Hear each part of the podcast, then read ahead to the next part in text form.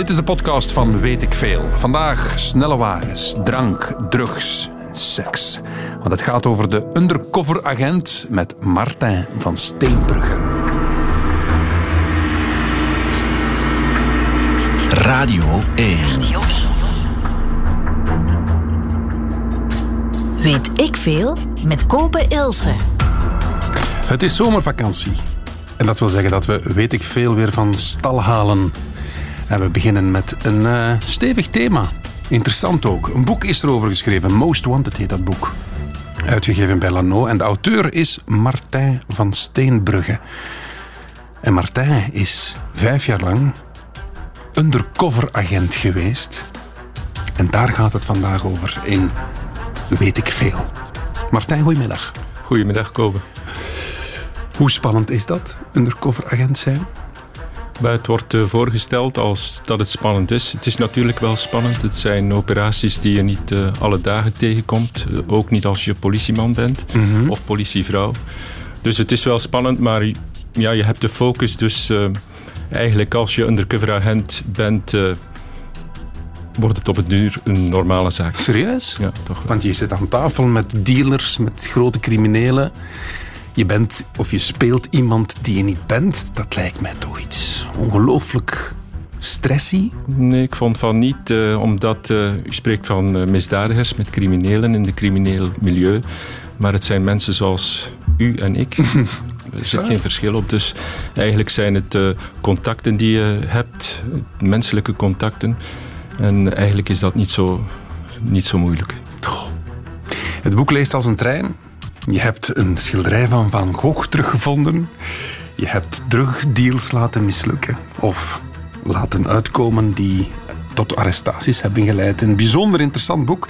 En we gaan daar een uur over praten in Weet ik Veel. Zet u schrap, beste luisteraar. Het gaat over de undercover agent. Fijn dat u luistert en zeer welkom. It is I, Leclerc. Well, I never would have guessed. Weet ik veel. Misschien wel de bekendste undercoveragent. Het is I Leclerc uit Allo Allo. Is het zo, Martijn van Steenbrugge, dat je gewoon een andere identiteit aanneemt en dat je vanaf dan iemand anders bent? Is dat eigenlijk de definitie van een undercoveragent? Eigenlijk niet wel. Je hebt een andere identiteit, dat is zeker. Is dat dan met, met identiteitskaart? Met, met, ja, inderdaad. Dus volledig alles, je wordt volledig... Je krijgt een uh, identiteitskaart, je wordt officieel ingeschreven in het Rijksregister. Um, ja, dat is zoals je een nieuw persoon bent eigenlijk. Maar het komt er wel op neer dat je, dat je jezelf blijft. Dat je geen rol speelt. Je moet authentiek blijven. Als dat, mens dan? Als mens, ja. Je moet geen rol spelen. Je bent natuurlijk... Uh, je hebt een andere identiteit. Maar de persoon zelf, dat is persoonlijk. Hè. Uit uh, ervaring heb ik dat toch meegemaakt. Dat als je jezelf blijft, geen rol speelt. Je hebt natuurlijk een, een cover story. Je hebt een heel nieuw leven dat je moet uitbouwen. En als dat zo realistisch mogelijk is, dan voel je je uh, zeer goed in je, in je rol. Wacht, je hebt een cover story. Vertel, wat, wat, wat is dat? Wel, nu, nu in mijn uh, vroeger leven als undercover agent heette ik uh, Martijn Bloemperk. Hè.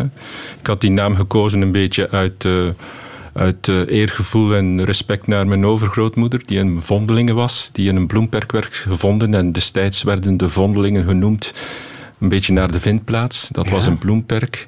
En ik uh, vond dat geen slechte naam als undercovernaam. Het had een beetje een Zuid-Afrikaans uh, accent. Uh, Bloemfontein bestaat er nogal veel in Zuid-Afrika.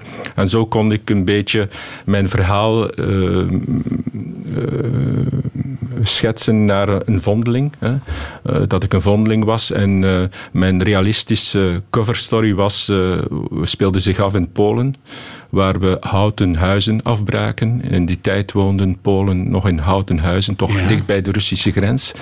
En die braken we af. Die, we betaalden daarvoor een, een, een 150 euro. Destijds was dat 5000 frank voor dat hout te recupereren. En daar maakten wij uh, landelijke meubels van. Want uh, de Polen zijn goede schrijnwerkers. Hè. Ja, ja, ja. In iedere gemeente, in ieder dorpje vind je wel een schrijnwerkerij.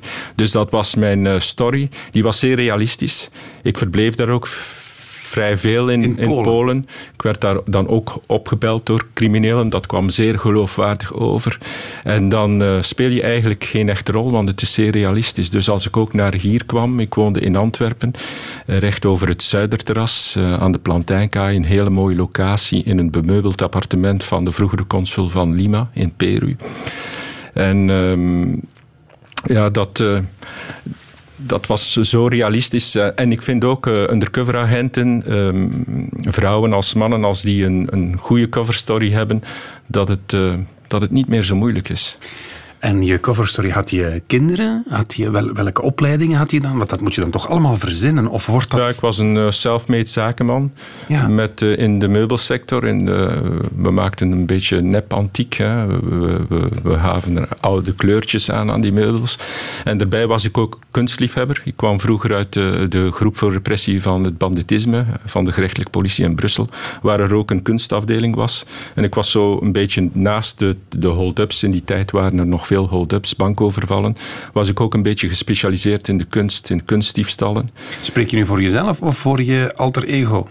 Eh, nee, als politieman. Ah, Als politieman Ja. hadden we een, eh, een bureau kunstdiefstallen. Er gebeurden eh, veel kunst, kunstdiefstallen. In, in Brussel zit er een ongelooflijke verzameling, particuliere verzameling van, van kunst, van mooie schilderijen. Gebeurden dan af en toe eh, diefstallen natuurlijk. En daar spe- specialiseerde ik mij een beetje in, in eh, dat kunstmilieu. En dat heb ik dan ook als coverstory gebruikt om eh, voor rijke zakenlui kunst, kunstinformatie te geven, informatie te geven over kunst waar ze best zouden in investeren. Dat was ook een, een story waar ik ook goed in was. Dus eh, men kon mij niet van de baan rijden als het over, eh, over zulke zaken ging. Word je daarin getest? Gaan ze dan vragen stellen specifiek om, om, te, om te voelen van heeft die mens echt wel iets met die houten huizen in Polen? De criminelen, Ja. bedoelt u natuurlijk. Ja. Serieus? Ja, natuurlijk. Dus je wordt wel ge- gecheckt. Zo. Er worden vragen gesteld natuurlijk, hè, maar als de, de story zo geloofwaardig mogelijk is en ook, ik zeg het altijd, realistisch, ja, dan, dan kun je niet echt eh, eh, fouten maken. Het is natuurlijk zo dat eh, als je undercover-agent bent, dat je de focus 24 uur of 24 op je undercover-agent job moet, eh, moet eh, Je bent zetten. toch die andere mens. Je wordt toch echt die meneer Bloemberg dan? Ja, Bloemberg, uiteraard. Ja. Je hebt natuurlijk nog een ander leven, maar ik zeg altijd, eh, ehm, het andere leven is heel miniem. Hè. Je mag dus eh, in die tijd dat je undercover-agent bent, mag je vijf jaar niet naar je politiedienst gaan. Je komt niet meer bij de politie. Dat is nogal, nogal normaal, want moest een crimineel daar verhoord worden en hij ziet je daar, Tuurlijk. dan zou dat Ah, heel wat vragen oproepen. Dus eh, je zit eh, eigenlijk vijf jaar op je appartement en je reist dan. eh, bij mij was dat Polen. En je vrouw, je, je privéleven, je, je sociale Ja, contacten. Dat zeg ik ook altijd. Ik heb dat dan na, nadien gezien na mijn undercoverwerk. Toen ik dan... eh, ik, was, ik had geen kinderen als undercover. Ik was ook gescheiden, dus ik, had een, eh, eh, ik leefde alleen. En eh, dat was eigenlijk voor mij, en ik vind dat nog altijd, de, de juiste methode om undercoveragent te zijn. Dan kun je je volledig smijten. Je hebt geen bezonjes, want dat, nadien heb ik kinderen gekregen. En dan vind ik, dan heb ik mij afgevraagd, ja, nu zou ik toch geen undercoveragent meer eh, volledig kunnen zijn, want je kind is, is ziek. Je moet dan vertrekken op een operatie op het onverwachts. Op het onverwachts, eh, juist wanneer je kind eh, of je kinderen je nodig hebben. En dan kun je de volledige focus niet leggen op, op je undercoverwerk, want je he- hebt een andere identiteit. Dat, die concentratie moet volledig zijn. Heb je twee identiteitskaarten of moet je je oude identiteitskaart even inruilen, in, indienen? Nee, bij hebt dus operaties, eh, bij undercoverwerk heb je enkel je, je nieuwe identiteit. nieuwe identiteit. Bij mij was dat Martijn Bloemperk. Natuurlijk, ja, dat zou, eh, dat zou nogal eh, eh, gevaarlijk zijn ook. Hè, want eh, het is soms geweest tijdens eh, contacten dat er plotseling een, een, een compaan van een crimineel mijn koffer opengooit van mijn auto. Om, om te checken eh, wat er in de koffer zit. Dus eh, je moet op, eh, ja, op alle ogenblikken moet je de focus houden. Je bent undercover, je hebt die identiteit. Alle conversaties moeten juist zitten. Oh, dat lijkt me ongelooflijk vermoeiend. Dat je continu iemand anders bent. Ja, goed. maar dat, dat is als je natuurlijk. Ik leefde alleen. Ik had eigenlijk uh, volledig mijn focus gezet op het undercoverwerk. Uh, als ik uh, geen undercover was, als ik op die schaarse momenten thuis was, ja, dan, dan was ik thuis en dan had ik geen echt sociaal leven eigenlijk. Um, bij andere undercover agenten heb ik gezien dat dat soms anders was. Maar ik zou het nooit anders doen zoals ik het gedaan heb. Het was mijn methode en daar voelde ik mij het best bij. Maar je, je belt toch eens op kerstdag of, of op eender wel, welk moment. Je belt toch eens naar je moeder, naar je broer, naar je zus, naar, naar, naar, familie, naar vrienden. Je kan toch niet vijf jaar van de planeet verdwijnen? Nee, dat is juist. Je hebt wel uh, telefonische contacten. Je hebt wel enkele bezoeken aan, aan, aan je sociale relaties. Maar die, zijn, die waren bij, bij mij waren die echt tot het minimum beperkt. En kijk je dan over je schouder als je dat doet, denkende van, hm, nu word ik gevolgd, nu word ik geschaduwd. Word je niet paranoia op de duur? Nee, niet echt. Uh, we worden er een beetje op geselecteerd ook. Uh, je bent vooral heel stressbestendig. En uh, ja, je geeft je, je geeft je geen rekenschap eigenlijk van de risico's die er zijn. Je gaat er volop in. Je, je speelt volop uh, ja, Martijn Bloemperk met zijn uh, activiteiten. En dat is het. Uh, het is zoals u nu tv- en radiowerk doet. Je smijt je volledig in. Kan ook eigenlijk een, een ja. coverrol zijn. Um, ja, maar ik moet mijn sociaal leven niet on hold zetten. Ik, ik moet niet met criminelen omgaan, alhoewel soms. Maar ja, ik vind dat u, je gaat er heel licht over. Is dat omdat je het vijf jaar gedaan hebt? Want misschien, waarschijnlijk ben je er toch ook anders ingestapt, denkende van ja, dit gaat wel iets, iets geven. Nou, ik vind uh, de contacten die we gehad hebben en die ik uh, ook had uh, als undercover, die waren menselijk. Hè. criminelen worden afgeschilderd als onmensen, maar die hebben ook een goede kanten. En als je daarmee in dat milieu infiltreert en aanvaard wordt, ja, dan ben je een van hen en dan, dan doe je mee. Zoals ik nu met uh, jouw programma meedoe. Snuif je mee? Nee. Nee, dat doe je niet. Je hebt daar dan natuurlijk een, een reden voor. Als dat voorgesteld wordt, uh, dat is not done. Hè. Je gaat geen cocaïne snuiven als, uh, als criminelen het wel doen. dan heb je een goede reden. Bij mij was dat dat ik zeer sportminded was.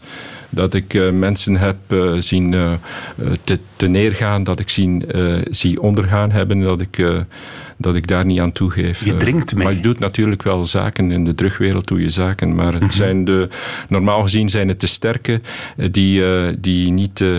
Ook drughandelaars die, niet, die geen cocaïne snuiven, die, die toch de touwtjes in handen hebben. Drink je mee? Ja. Je wordt samen mee. dronken? Nee, dat, uh, je houdt je in je hand natuurlijk. Hè. Je wordt samen niet dronken, nee, dat, uh, dat houdt je in je hand. Maar je, je, het is best dat je een stevig glas kunt verzetten, dat geef ik toe, ja. Vrij je mee? Nee, dat doe je ook niet. Uh, dat is... Ja, daar heb ik wel een beetje kritiek op, op, uh, op het systeem dan. Uh, dat is nog altijd niet zo. Je hebt natuurlijk contacten. Hè. Je wordt uh, um, voorgesteld in het crimineel milieu. Ik was altijd alleen in mijn uh, contacten. Dus uh, uh, de mensen zeiden rondom mij, ja, we zullen wel eens voor een vrouw zorgen voor Martijn, want die komt altijd alleen vanuit Polen. die een triestige Pool. Ja, ja, en die een, snuift ook niet. Geeft die een vrouw. Een, een, restaurantbezoekje georganiseerd en dan blijkt dat de persoon, dat jouw vriend uit het crimineel milieu nog een, een vrouw mee heeft om, om het contact te maken. En dan heb je altijd wat redenen nodig om dat af te wijzen. Een vieze SOA?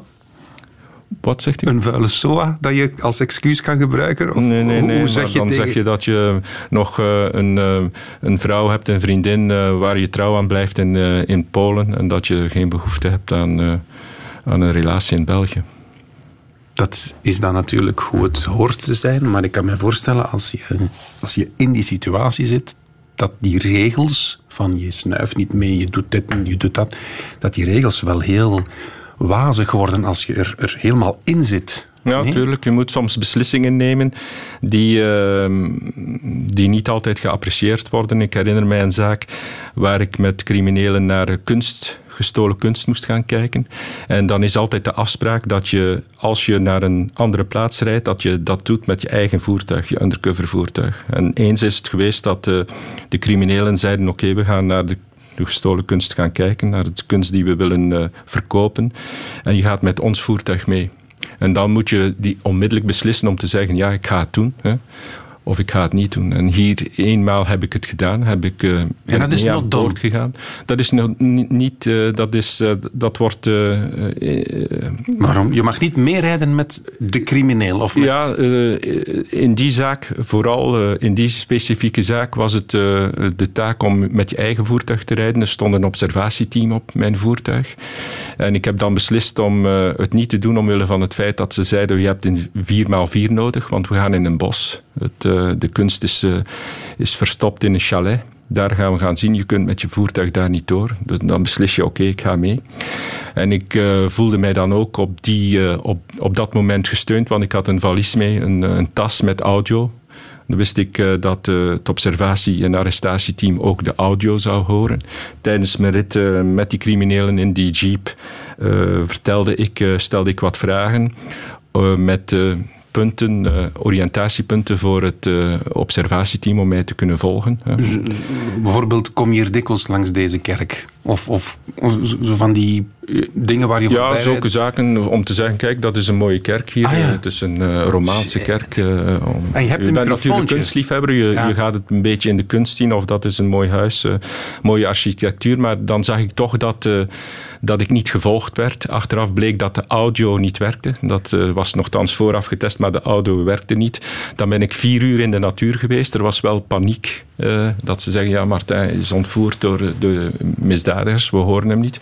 Maar ik was mij van geen kwaad bewust. Ik zei, ja, ik ga die job hier uh, gewoon doen, uh, zonder observatie- en arrestatieteam. De veiligheid is er niet.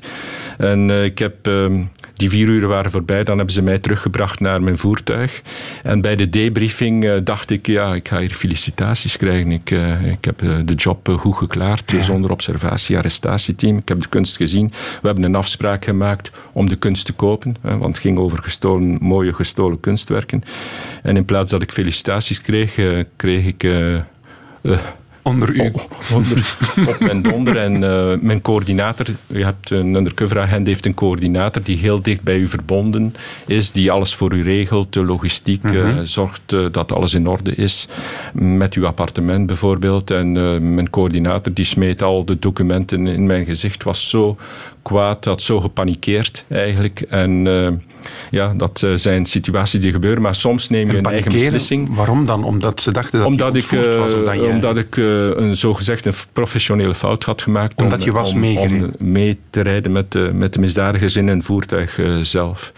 En in zulke ogenblikken zie je natuurlijk, wanneer er gepanikeerd wordt, ook door politiemensen, uh, hoe sterk mensen zijn. Hè. Dat leer je natuurlijk, want uh, in operaties, zeker in onze, gebeuren onverwachte zaken, scenario's lopen niet zoals u het hebt afgesproken. En dan zie je de, de sterke en dan zie je de sterke mensen die niet panikeren, die rustig blijven, die uh, de, de, collega's mee optrekken in positivisme, ook al zit het niet goed. Uh, dat, dat is een les die je leert natuurlijk. Hè. En als het slecht gaat, uh, leer je de, de echte kant van de mens kennen. En dat is hier niet, niet anders. In, in, die zaken. het blijft vooral mensenwerk. In... Het is mensenwerk. Ja, ja, inderdaad, het is mensenwerk. Maar het is uh, vooral belangrijk als het uh, minder goed gaat om, uh, om kalm te blijven en een oplossing te vinden. Mm -hmm. Weet ik veel. we krijgen al een vraag in onze app, waarvoor dank. De vraag is duidelijk. Heeft Martijn geen angst voor afrekeningen door dit allemaal op de radio te vertellen? Wat nee. is jouw antwoord daarop? Nee, totaal niet. Nee? Nee. Luisteren ze mee? Ja, ik zou het ook kunnen hebben met mijn later werk bij het Fast, hè, waar ik uh, niet anders gedaan heb, samen met een zeer goed team van uh, voortvluchtige criminelen. Mm -hmm. Voortvluchtige veroordeelden op te pakken, te lokaliseren, te arresteren. Ik denk dat daar het gevaar uh, wel uh, dreigender is dan uh, als undercover agent. Heb je morgen al iets te doen? Want anders klinkt wel interessant voor nog een uitzending dan. Wat de politie natuurlijk de hele tijd heel goed moet bewaken, is dat die mensen uh, de smaak niet te pakken krijgen. Hè. Dat je zegt, ja, daar wordt af en toe een lijn kook gesnoven. Die agent moet meedoen, want anders valt hij te tonen. Dat is aangegeven. De druk op zo'n mensen is groot. Mm -hmm. En dan is de vraag, ja, zijn we nog zeker dat we die agent kunnen betrouwen? Werkt die nog voor ons? Of is die misschien overgestapt en speelt die een dubbel Weet ik veel? Ja, Dat is interessant. Het ging daar net al over. Hè? Die lijn kooksnuiven, dat glas alcohol, dat kon. Die lijn helemaal niet. Seksuele betrekking met de verdachte nou ook, is ook uit een boze. Maar wat hier gezegd wordt, vind ik wel interessant. Is er geen moment dat je in een soort ja, zinsverbijstering of omdat het die nieuwe normaal wordt, dat je gaat meedoen met die, die criminelen? Dat je eigenlijk... Dat, eh, u doelt een beetje op de normvervaging Ja, die er zou het zijn. Stockholm-syndroom. Het is niet de correcte Ja. omschrijving, maar Nee. je weet wat Natuurlijk, je wordt er wel op geselecteerd. Hè. Eh, in de selectie wordt u wel op geselecteerd. Er is een eh, profiel van wordt een profiel van u gemaakt, een psychologisch onderzoek wordt er gedaan. Dus op dat gebied is er al, zijn er al niet te veel problemen. Maar het gebeurt natuurlijk hè, eh, dat personen eh, in de verleiding komen om een geldsom aan te nemen. Of, eh, of ja, met drank dan ook te zeggen, ja, we gaan ook eens een lijntje snuiven. Ehm, en met, worden er veel mensen ontmaskerd? Zijn er collega's van jou, undercoveragenten, ontmaskerd tijdens het werk? Omdat ze bepaalde dingen niet Nee, in die vijf jaar dat ik undercoveragent ben geweest, is dat nooit gebeurd. Amai. Maar, maar we hebben, ik, ik zelf heb eh, altijd lessen getrokken uit het feit, eh, eh, wanneer het tot een strijd komt, dat is het, de arrestatie. En wanneer je na enkele contacten met criminelen je kunt overgaan tot een transactie. Een transactie van wapenhandel, een transactie van cocaïne, van drugs, van, van kunst. Eh, dan is het zo dat je eh, de goederen eh, niet samen met het geld eh, uitwisselt. Hè. Dus eh, Mr. Cash, dat is de man die het geld heeft. De undercoveragent die het geld heeft. En dan Ah ja, heb je je een collega kopen en jij hebt het die, geld, eh, ja. die bijvoorbeeld de tas met 20 kilo cocaïne in ontvangst zal nemen. De collega zal de cocaïne controleren op de zuiverheid. Hè. En als hij zal zien dat de lading oké is, dan zal hij bellen naar mij, Mr. Cash, om het geld te tonen. Van op een andere plaats. Om, om zeker te zijn dat er geen, de criminelen kennen dat wel zeer goed, dat er geen ripdeal gebeurt. Want het gebeurt soms onder criminelen dat ze zeggen: Oké, we, we verkopen 20 kilo cocaïne, eh, breng ons 500.000 euro mee. En er is geen cocaïne, maar de 500.000 euro wordt eh, geript, eigenlijk, wordt gestolen Ah, ja. door een andere bende criminelen. Dus om veiligheidsredenen, dat gebeurt ook zo bij criminelen als die een transactie doen, bij ons gebeurt dat dan ook, is Mr. Cash zit hij op een andere plaats. En als ik Mr. Cash was en ik eh, moest de, tas met geld openen, het was altijd veel geld, dan eh, keek ik altijd in de ogen van de crimineel. Hè. En dan zag ik eh, zijn ogen altijd veranderen. Hè. Men zegt soms eh, eh, figuurlijk: geld maakt blind, geld verblindt. Wel, nu ik kan u zeggen dat het geld, dat geld verblindt, dat dat ook letterlijk kan opgevat worden. Iedere keer zag ik die ogen van de crimineel veranderen bij het aanzien, het aanschouwen van zoveel geld. De wereld veranderde. Ik heb nooit geweten dat een crimineel het geld telde. Och, Nee, nooit. Wel dat hij is de liassen is vast eh, nam om te kijken dat het wel eh, eh, geen vals geld was, maar het werd nooit echt geteld. Omwille van het feit dat ze, ze veranderden onmiddellijk van houding. Het aanschouwen van het geld en het denken, ja, binnen enkele minuten is dat mijn bezit. Dat eh, werkt zo overweldigend op mensen dat ik altijd heb gezegd: kijk, dat zal mij nooit overkomen. Die hebzucht. Daar eh, wend ik mij van af. Ja. Eh, dat is een goede les eigenlijk, eh, die ik altijd heb geleerd. Geld maakt niet gelukkig, geld wie? verblindt. Het slijk der aarde. van wie is dat geld dan? Als je, als je in opdracht van de Belgische staat moet je een... Ja, dat is geld die komt van de Nationale Bank. Die Van de bank? ophalen bij... Enfin, ik ga dat niet ophalen. Het zijn de coördinatoren die... Dus dan belt de politie naar de bank en zegt leg, leg 500.000 euro cash klaar en dan, komen ze dat, dan gaan ze dat oppikken. Dat wordt dan eh, opgepikt en dat wordt dan gebruikt tijdens de transactie. Ja. En dan wordt dat nadien, ja, idealiter wordt die transactie ja, stopgezet, want er gebeurde er Dan wordt dat arrestaties. nadien terug afgeleverd en geteld door de Nationale Bank. Die tellen het wel. Ja, ja, die wordt eh, geteld. Die hebben daar speciale machines voor. Ja, ja, ja, ja, Het is altijd leuk om te zien eh, hoe dat geld geteld wordt. Maar die Mr. Cash wordt dus gebeld, komt dan ter plaatse en overhandigt het geld. Ja, nee, de crimineel zit naast u in de wagen meestal. Ah, in uw wagen. Komt naast u in de wagen zitten en dan wordt er gebeld. eh, kunt je het geld tonen? Dan wordt het, daarvan komt de naam toongeld. En krijgt de persoon die het geld toont, de undercoveragent, de naam van hij is Mr. Cash. Hè. Ja. Ehm, en dan eh, wordt het geld getoond en dan eh, ehm, zegt de man, oké, het geld is hier, je mag de, de cocaïne bijvoorbeeld overleveren. En dat is ook het zijn dat het arrestatieteam overgaat tot de arrestatie van eh, zowel Mr. Cash met de crimineel als eh, de bende die de cocaïne overhandigt. Heb je ooit een geweer tegen je hoofd gekregen?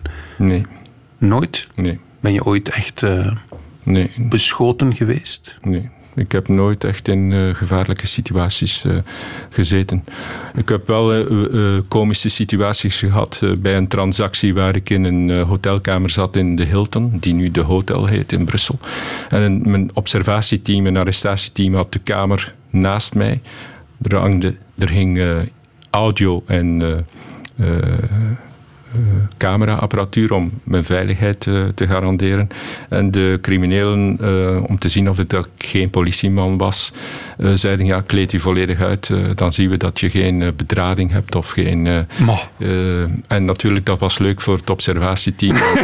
die zaten mij naakt te zien eh, in de, de kamer daarnaast. Dat zijn wel leuke momenten natuurlijk. Maar het is best ook een undercover agent die mag, eh, ehm, die mag zelf kiezen of dat hij een wapen mee heeft eh, tijdens zijn contacten, ja of nee. De meesten hebben dan een, een, een klein wapen bij, een babyglok of zo. Een babyglok. Ja, een, klein, een kleiner wapen dat, eh, dat eh, handig is als je een, een pakken draagt, bijvoorbeeld. Dat, dat is goed. Dat kan goed zijn bij, als crimineel ook. Criminelen hebben ook wapens bij zich. Maar ik heb het nooit gedaan. Ik heb nooit eh, met een wapen eh, naar contacten gegaan, omdat ik vond dat, het, eh, dat ik mij zo het best, eh, het meest gerust vond. Want je weet nooit dat het afhandig wordt gemaakt door een crimineel en dat het tegen je gebruikt wordt. Dus ik voelde mij best veilig om geen wapen te hebben tijdens mijn contacten. Maar het, de keuze is vrij bij undercover agenten. Ze mogen kiezen of ze, of ze een wapen meenemen, ja of nee. Goed. Stel, we hebben mensen geïnspireerd. Hoe word je undercover agent, Martijn? Kan je nu naar de politie bellen en zeggen... Ik heb eh, weinig stress. Hè? Wat, wat zijn de dingen die, waaraan je voelt? Maar ik zou zeggen, eh, je moet stressbestendig zijn. Je moet wel een goede gezondheid hebben. hè. En je moet eh, authentiek zijn. Eh, Dat vind ik. En eh, voor de rest eh, een goede gezondheid, omdat je, je moet meedoen aan selectieproeven. En ik, vind, ik vond dat de hoofdtoon bij de selectieproeven lag om je te stresseren. op momenten dat je je slaap ontnomen wordt. Dus je gaat op, bij de laatste selectie ga je drie weken op hotel. En dan word je vermoeid. Je krijgt vakken zoals vakken over terugwetgeving, wapenwetgeving, eh, strafrecht, strafvordering. De wet op de bijzondere politiemethoden en zo. Dat, eh, dat wordt je allemaal ingedrild. Hè. Je moet dat dan instuderen, want je krijgt daarover examen. Maar dan s'avonds word je belast met rollen spelen. Je moet in de stad gaan. Je krijgt bepaalde taken die je moet uitvoeren. Je komt om vier uur morgens eh, terug. Dan moet je om half acht terug op het appel zijn in pak. Net in pak. Eh, weinig geslapen. En dan word je tijdens die oefeningen... gestresseerd. En dan eh, door die slaapdeprivatie, zoals men dat noemt, eh, leer je de ware mens kennen. Als je vermoeid bent eh, en je wordt dan nog gestresseerd, je krijgt heel wat opdrachten, moeilijke opdrachten soms, dan word je gevolgd door een team van psychologen en bekijken ze je houding, panikeer je, eh, eh, geef je op, eh, doe je voort, blijf je geconcentreerd, hou je de focus. Dat is eigenlijk een groot selectiecriterium eh, bij undercover agenten. Een van die proeven is naar het schijnt de terrasproef. Ja.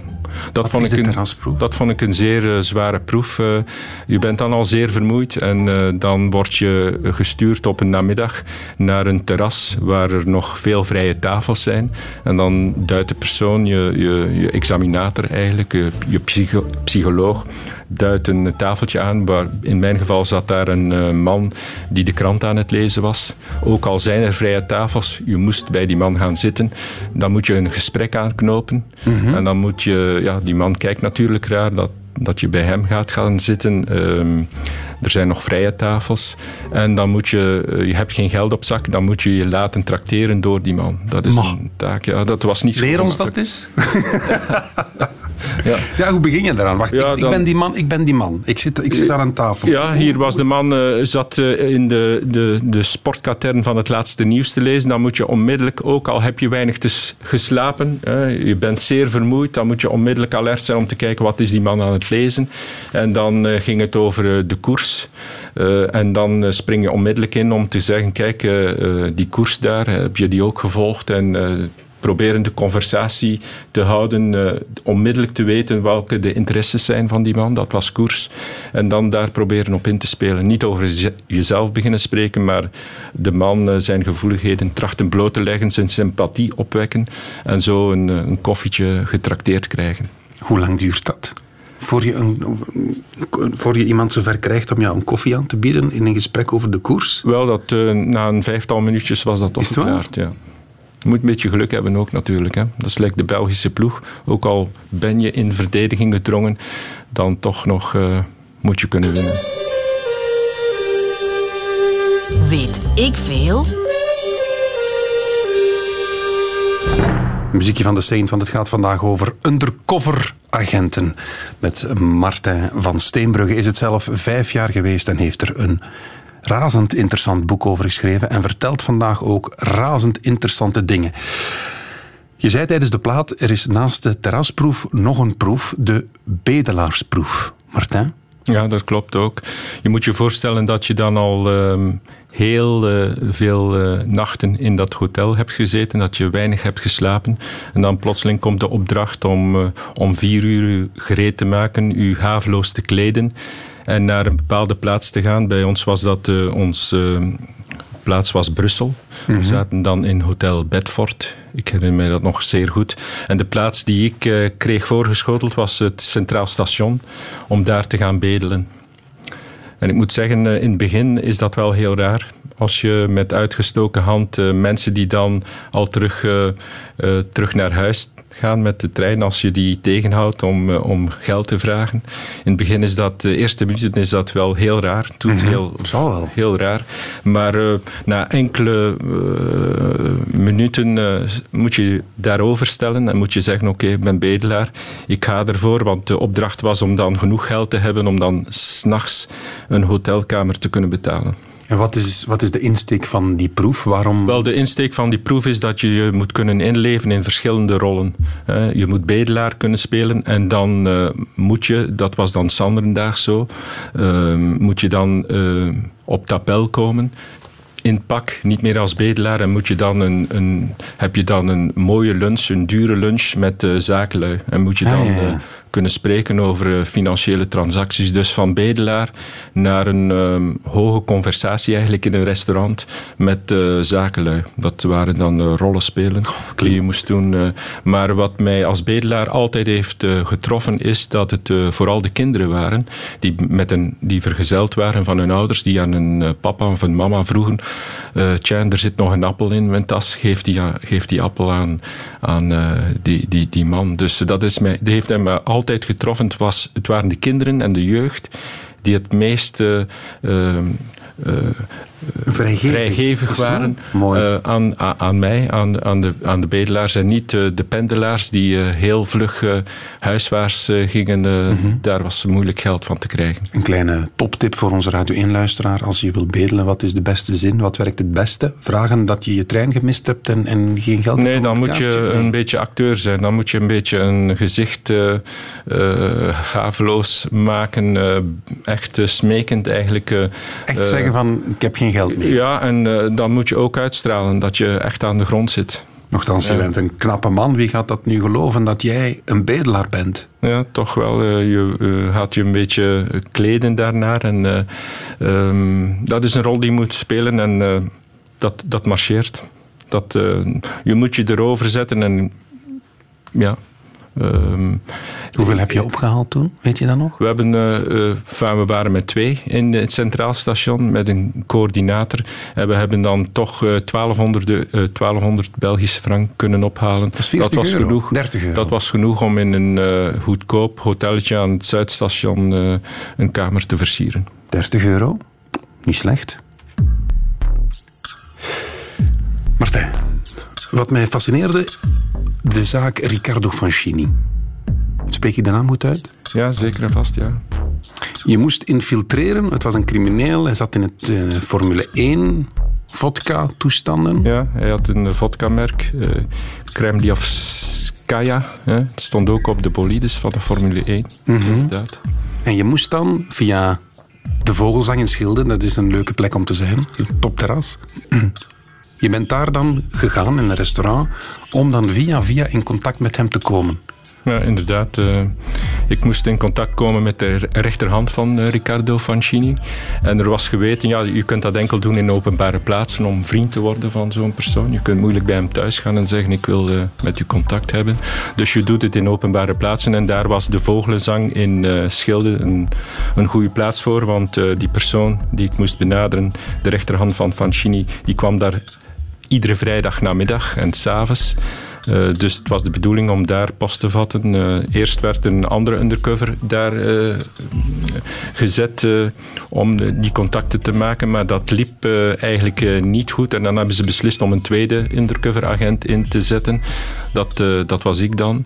En ja, je moet dan weer wat geluk hebben natuurlijk. De eerste, het eerste rendezvous, de eerste keer dat ik binnentrad in de Vogelenzang, ging ik naar het toilet gaan plassen. En plotseling kwam de man eh, die we moesten benaderen naast mij staan. Plassen, hij bekeek mij en hij zei, ja, ik ken u ergens van. Ja, heel, een heel cliché. Maar het was hij die, eh, die eh, het initiatief nam. Het kon natuurlijk niet beter zijn. En het gesprek was ingezet. bij het handenwassen werd er dan gevraagd, ja, ik zeg, ja, kan eigenlijk niet dat jij mij kent. Ik kom hier. Het is de eerste keer dat ik hier kom op uitnodiging van een vriend. Ik zit meestal in Polen. En eens ah ja, dan eh, komt die dekmantel weer eh, boven. die dekmantel Ja, kwam naar voren en dat eh, bleek de persoon direct te interesseren, Polen. Hij kende er ook wel wat zaken. En ehm, ja, dat was natuurlijk na al die maanden dat de eerste undercover daar werk van had gemaakt om contact te maken, had ik al een hit eigenlijk, een, eh, een, een succes op de eerste namiddag. Dus dat... eh, Maar je, je raakt aan de praat in het toilet. Dat wil toch nog niet zeggen dat je de dag nadien bij die Fancini op de koffie mag komen. Hè? Dat, Nee, wel bij de rechterhand natuurlijk. Hè. Eh, het was niet Fancini natuurlijk, die naast mij stond te nee, plassen. nee, maar ik wil zeggen, dat gaat toch allemaal... Dat, je ziet die, die persoon, het toilet naast je... Dat nee, gaan toch een paar dagen, weken, maanden over eer dat je daar dan... Nee, of, of gaat dat Ja, veel sneller? de, de telefoongesprek, hij vroeg t- van hem op te bellen. Er werden gsm's uitgewisseld, gsm-nummers. Dus dan is contact erop gelegd en eh, de, de, de uitvalsbasis was altijd de vogelenzang. Ik heb er heel veel eh, namiddagen en eh, avonden eh, versleten. Heel veel contacten eh, gemaakt daar in dat milieu. En eh, zo is dat gegaan. eh, van het een komt het ander. Ehm, en dan ga je samen eh, bijvoorbeeld ook naar Cirque du Soleil gaan kijken. Oké. ehm, pro- Vind je dat niet op menselijk vlak moeilijk? Want eigenlijk zit je mensen te beliegen en te bedriegen. En, en vind je dat niet lastig? Nee, totaal niet. Je zit met een hoger hiërarchisch, eh, hoger ethisch belang eigenlijk. Hè. Je doet het voor de veiligheid van de maatschappij. Dat is uw insteek. Hè. Het zijn criminelen. Eh, ze doen aan drughandel, ze doen aan witwas. eh. Maar het zijn misschien ook wel toffe mensen. ja, het zijn toffe mensen. Ah, voilà. Nee, het zijn toffe Je, mensen. zie- maar, je naait ze wel, hè? Ja, tuurlijk. Het zijn toffe mensen. Ze hebben ook een positieve, een positieve kanten in hun persoonlijkheid, uiteraard. Maar je, je hoofddoel is die mensen eh, eh, ja, de, de, In de bak draaien. de informatie te kennen waarop dat ze misdrijven plegen en eh, die rapporteren. Goed. Martijn, het is een inleiding tot jammer genoeg, weet ik veel. Maar de vraag is nu, hebben we goed geluisterd? Weet ik veel. De quiz. Je hebt daar een papiertje normaal gezien. Ja. Vraag Ja. 1. Hoe heette mijn alter ego? Eh, meneer Bloemberg? Bloem... Correct, ja. Ja, is het juist? Ja. Hoppa. Want uw oma is, eh, was te vondeling gelegd en vandaar. Ja, ja, goed. mooi verhaal. Heel goed. Heb je als undercover agent één of twee identiteitskaarten? Je hebt er maar één, want je zou maar eens bezoek moeten krijgen. Ja. Bam. Mag, mag je een lijntje cocaïne meesnuiven in, eh, in het crimineel gezelschap? Dat is een moeilijke vraag, maar dat is een moeilijke vraag. Eh, nee. Nou, zo correct. Wat is een strike? Potverdomme. Wat is een strike? Vertel eens. Wel, dat is de eind... eh, de eind Ja, tuurlijk. Dus wat was dat nu weer? ja, dus wanneer een operatie te einde loopt en wanneer de arrestatie in feite is de Juist. koopwaar wordt overhandigd en de Voilà. arrestatie gebeurt. Ik ga afronden, want ik heb 4 op 4 gescoord. Dus ik ga niet het risico nemen om een fout antwoord te geven. En ik noep eh, een kleine oproep om eh, naar de uitzending over Lucien van Impe te komen op donderdag 8 juli vanuit het Cultuurhuis Emotia in Erpenmeren. U kan erbij zijn inschrijven via radio1.be. Voilà, reclame gemaakt. Martijn, dikke merci. Mm, Met veel, heel, heel veel plezier gedaan. Doet me plezier. Radio 1. Weet ik veel? Dit is het einde van deze podcast van Weet ik Veel. Weet ik Veel is trouwens een programma van Radio 1. Op radio1.be vindt u nog veel meer.